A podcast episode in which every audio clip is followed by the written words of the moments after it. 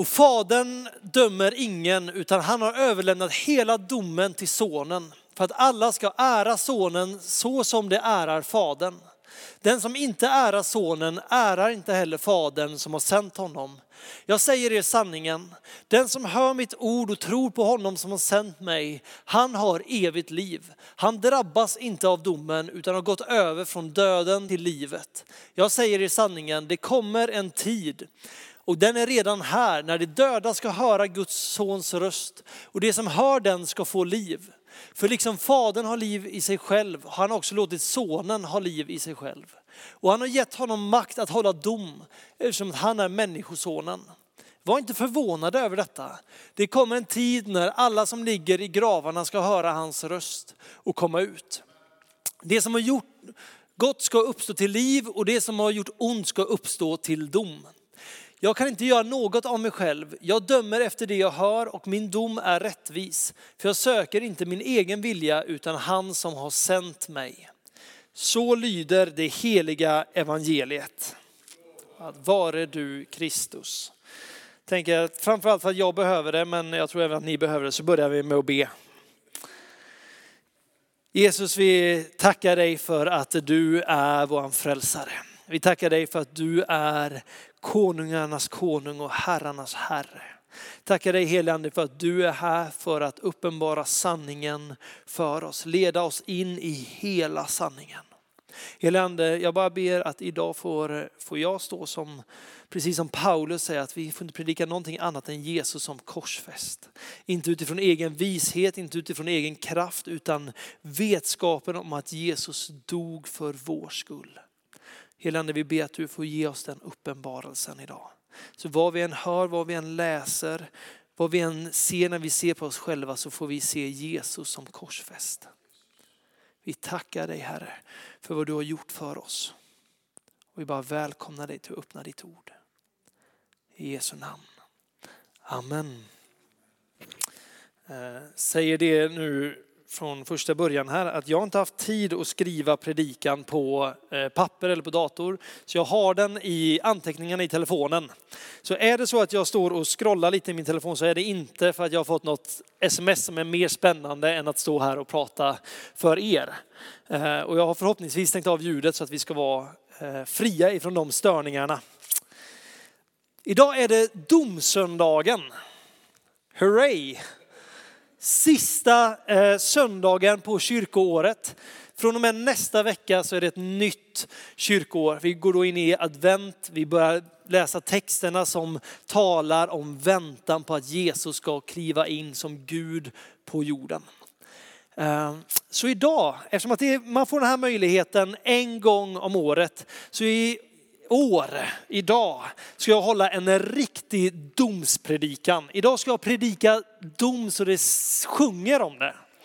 För sanningen är så här att ett kommer vi var och en att stå inför Guds tron. Vi kommer se Jesus i ögonen och han kommer ha en blick som liksom bara skär igenom både märg och ben. Där han ser allt som vi har gjort varje dag, varje minut, varje stund i vårt liv. Och sen kommer han döma så att det bara visslar om det. Är ni bekväma?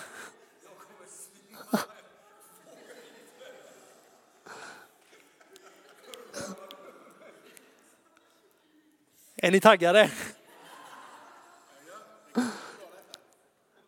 Grejen är så här att ordet dom, det är hur vi nästan än vrider och vänder på det så är det negativt laddat. Så fort, man, så fort jag hör det i alla fall i en predikan, ni vet, så är det som att man har myror i brallan.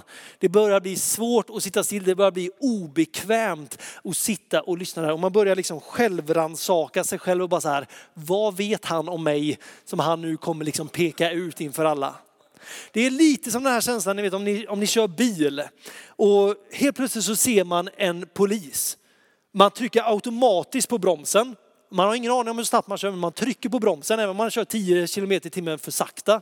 Man kollar, är säkerhetsbältet spänt? Och man börjar kolla allting annat. Och när man ser att allting är lugnt så känner man sig fortfarande skyldig. Jag känner att polisen ser mig. Det är någonting här som inte stämmer. Han kommer gripa mig.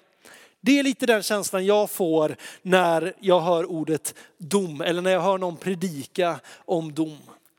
Men faktum är att när vi läser om domen i stor, stor utsträckning i Bibeln så är domens dag någonting som lärjungar och de som skrivit Bibeln längtar efter. Domens dag är hoppets dag. Man är inte rädda för att stå inför Gud, utan man väntar. Man väntar därför att se vad som ska ske på den dagen. Och då börjar jag tänka så här, det är någonting som blir fel i mig när jag tänker dom jämfört med vad de som skrivit Bibeln tänker när de tänker dom. Jag var faktiskt inne och läste det nu och det är Domens dag är en ganska, eller domsöndagen är en ganska ny företeelse. Tidigare hette den Jesu Kristi konungens dag. Det låter lite mer spännande, lite mer hoppfullt än domsöndagen. Och det är så här att i gamla testamentet så ser vi två olika bilder av Messias. Vi ser översteprästen, denna som i eh, Saltaren eller i Jesaja liksom, som pratar om att vi ska bli helade, vi ska bli upprättade. Avstånden mellan oss och Gud ska försvinna och det, vår relation ska bli upprättat. Det är en bild.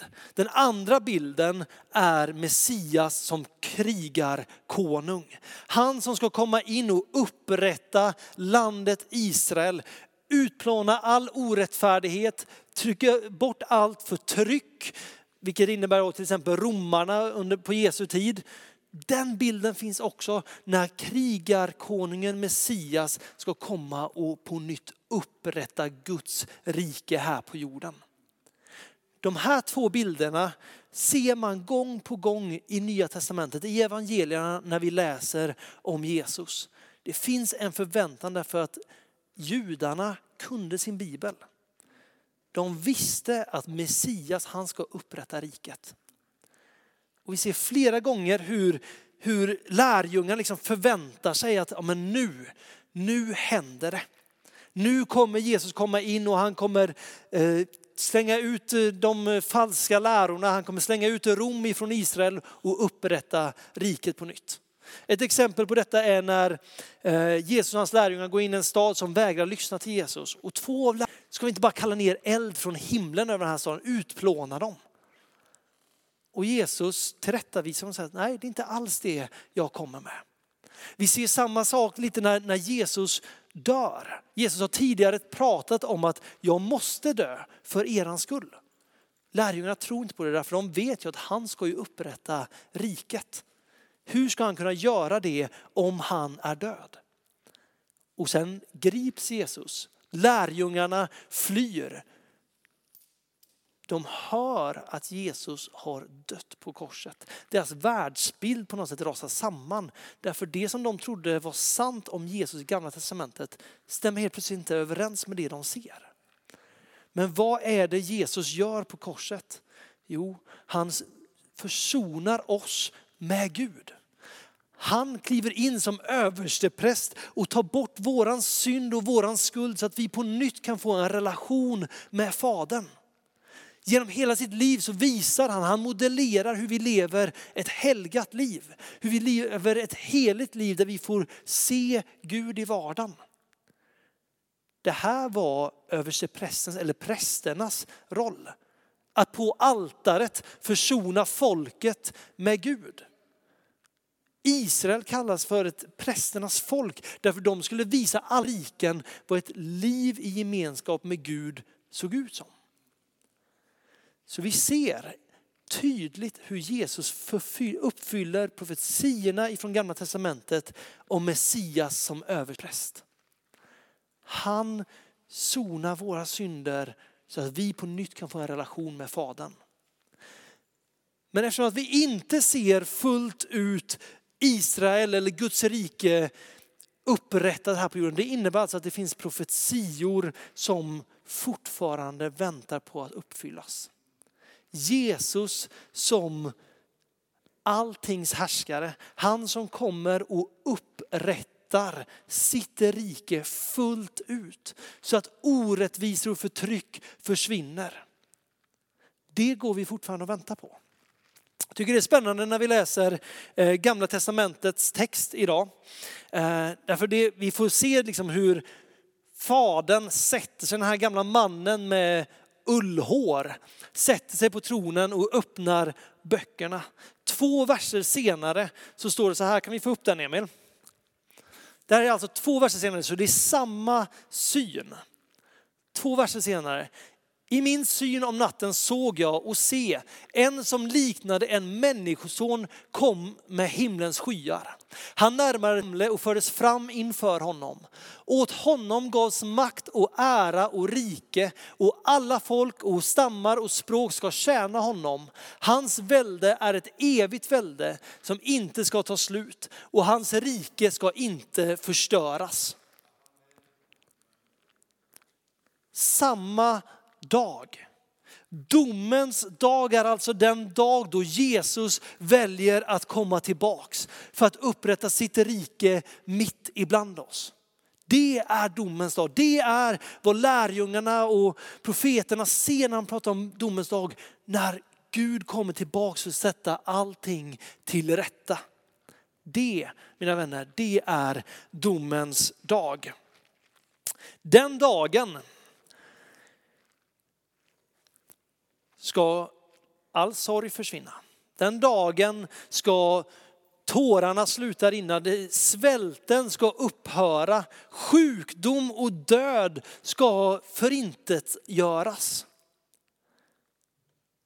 Den dagen då Jesus kommer tillbaks. Det står så här i, Salt, nej, i Jesaja 11, kan vi få upp den Emil? Det här är alltså om krigarkonungen som kommer. Rättfärdighet ska vara bältet runt hans midja, trofasthet bältet om hans höfter. Vargar ska bo tillsammans med lamm, leoparder ligga bland killingar, kalvar och unga lejon och gödboskap ska vara tillsammans.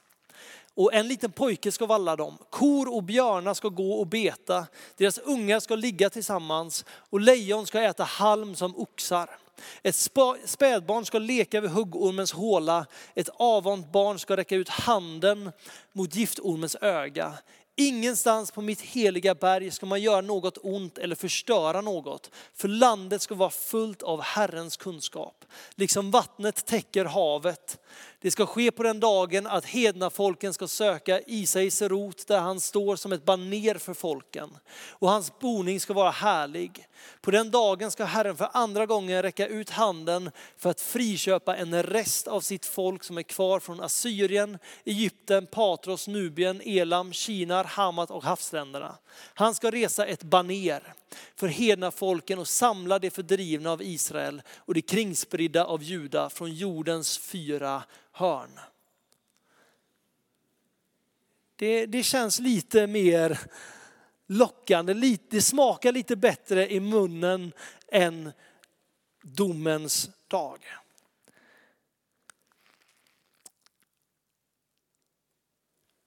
Så här, vare sig man har körkort eller inte så tror jag man har suttit bredvid någon som kör bil. Och så har man varit med om att det är någon annan som kanske har kört mot rött ljus eller bara slängt sig in i en annan fil utan man har sett eller gjort någonting som kanske inte är helt okej okay i trafiken. Och föraren börjar skrika och förbanna och i stort sett hata på den idioten som någon gång gav den andra idioten ett körkort. Sen samma person som gör exakt samma misstag så rycker man på axlarna och säger oj, som det kan gå så tokigt.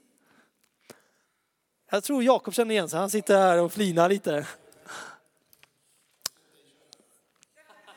Det är sant. Jag kan säga det så många gånger när jag har kommit från, från Slottsskogen och jag kommer på cykel och ska hit till Linnéakyrkan och så tänker man att ah, det är ju bara några hundra meter emot enkelriktat på cykelväg.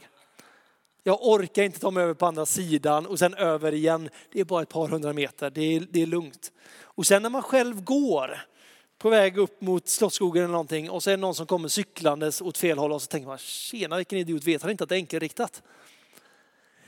Det finns så mycket i oss som när det kommer till oss själva så väljer vi att se mellan. Men när det är någon annan som gör någonting, då är vi extremt hårda. Då finns det ingen nåd, det finns ingen eh, översyn utan det är liksom, hade det funnits en elektrisk stol så hade han varit dömd snabbt. Det är liksom, det är en helt annan mentalitet när vi ser bristerna i någon annan än när vi ser dem hos oss själva. Tänk då så här när vi tänker på domens dag, för det kommer en domens dag, en glädjens dag för alla som har gett sitt liv till Jesus. Vi ser det i evangelietexten idag. Jesus säger att han kommer att döma oss till liv. Alla de som tror på honom kommer han döma till liv.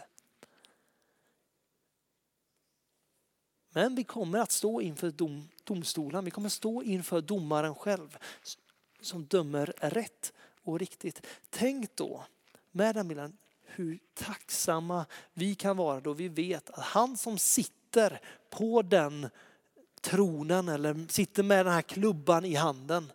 Han älskar dig till den grad att han var, han var benägen att ge sitt eget liv för dig. När han ser med sina ögon på dig och ser allt dumt bra som du har gjort i ditt liv så är det med en blick som är så fylld av kärlek. Att när han hängde där på korset så tyckte han att det var värt det. Han som visste långt innan han dog för dig att du kommer på ett eller annat sätt förneka honom. På ett eller annat sätt vända dig bort ifrån honom, göra uppror mot honom, håna eller skada andra människor. Trots det så älskade han dig till den grad att han var beredd att ge sitt liv för dig. Det är den domaren vi möter på domens dag. Man säger den tanken, tänk om det hade varit någon annan. Tänk om det hade varit du när du körde bil. Och du ser det som ingen vill att någon annan ska se hos en person. Det som man så, jobbar så hårt för att trycka undan och täcka över. Men Jesus ser först och främst att du är tvättad i hans blod. Han ser först och främst att han har redan betalat priset. Han har redan lidit för att du nu ska kunna stå fri. Förra veckan så, så predikade Lovisa på lite samma tema. Och det fanns en sak som hon sa som jag tyckte det här måste vi påminna oss själva om. Därför vi ser den här texten i evangelietexten Tror vi på Jesus, ger vi vårt liv till honom så kommer vi att dömas till liv. Du kommer inte att dömas till döden, du kommer dömas till livet. Det är sant. Men Lovisa lyfte en annan aspekt av det. Det är bara på den här, under den här tiden, innan domens dag, som vi har möjligheten att tjäna Gud i en värld full av synd. Full utav brister, full utav hat, utav sjukdom. När Jesus har kommit tillbaks, då kommer allt det där upphöra. Vi kommer inte längre kunna lida för Kristus. Vi kommer inte längre ha någonting som vi kan offra för honom. Därför han har redan lyft det oket av oss. Tiden som vi står i nu har vi möjligheten att visa honom hur mycket han betyder för oss. Hur värdig han är våran tillbedjan. Hur värdig han är att vi lägger ner våra liv bara för att få komma lite, lite närmare honom.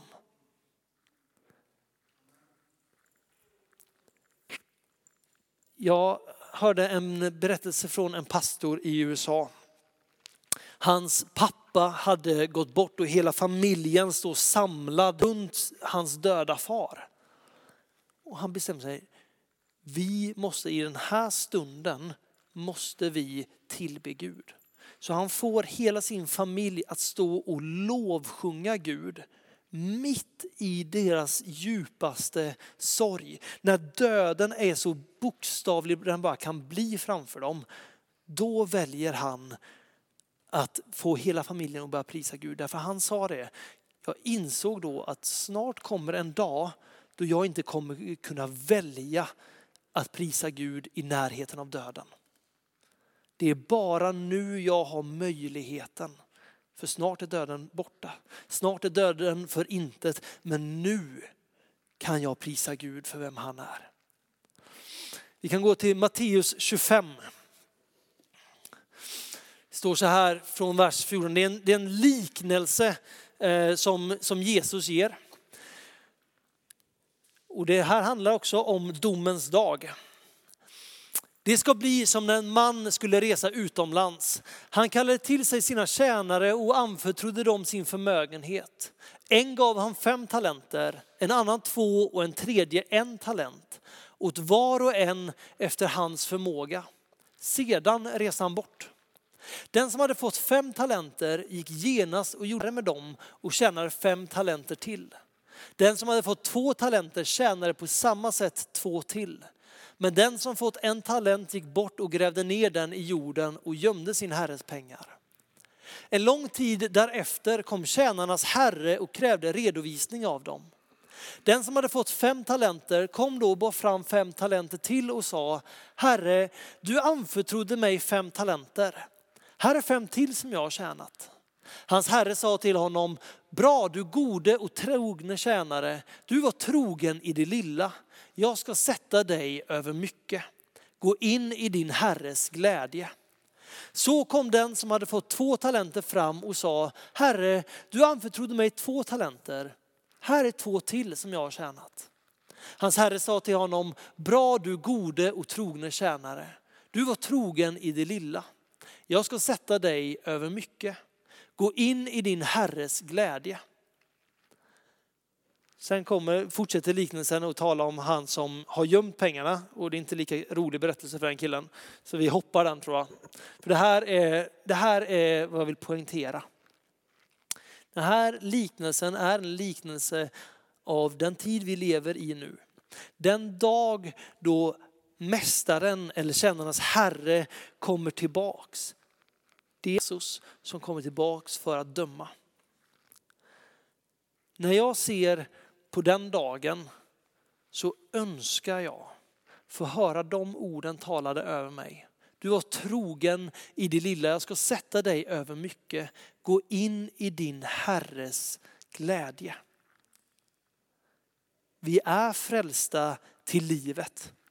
Om vi bekänner Jesus som Herre i våra liv, om vi bekänner med vår mun och vi tror med vårt hjärta så är vi frälsta. Men Jesus talar också om ett förvaltarskap. Vad gör vi med det som Jesus har gett oss under den här livstiden? Vad gör han med nådens gåva som han på något sätt har gett oss? Vad gör vi med den? Sitter vi och väntar? Gömmer vi undan den och bara väntar på att tiden ska gå? Jesus kommer, jag, Jesus kommer kolla på det, han kommer säga jag älskar dig. Jag dömer dig till livet.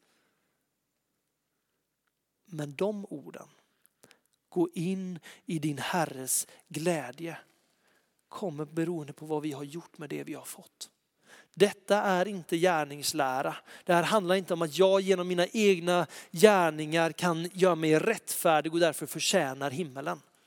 Skulle, skulle Jesus vara dumma på grund av gärningar så skulle jag aldrig haft en chans på himlen. Men han dömer mig till livet därför att jag tror på honom. Jag har tagit emot honom i mitt liv. Men Bibeln säger också, det du har fått som gåva, ge det som gåva. Det Gud har investerat i ditt liv förväntar han att du ska sätta i bruk. Att du ska vara trogen i det lilla. Det som du har i dina händer, det som du ser i ditt liv nu. För det kommer en dag när Herren kommer tillbaka. Då vi inte längre har tid att använda det vi har fått. Det kommer inte längre finnas några sjuka som behöver Guds helande. Det kommer inte längre finnas några fattiga som behöver få mat för dagen. Men det finns det nu.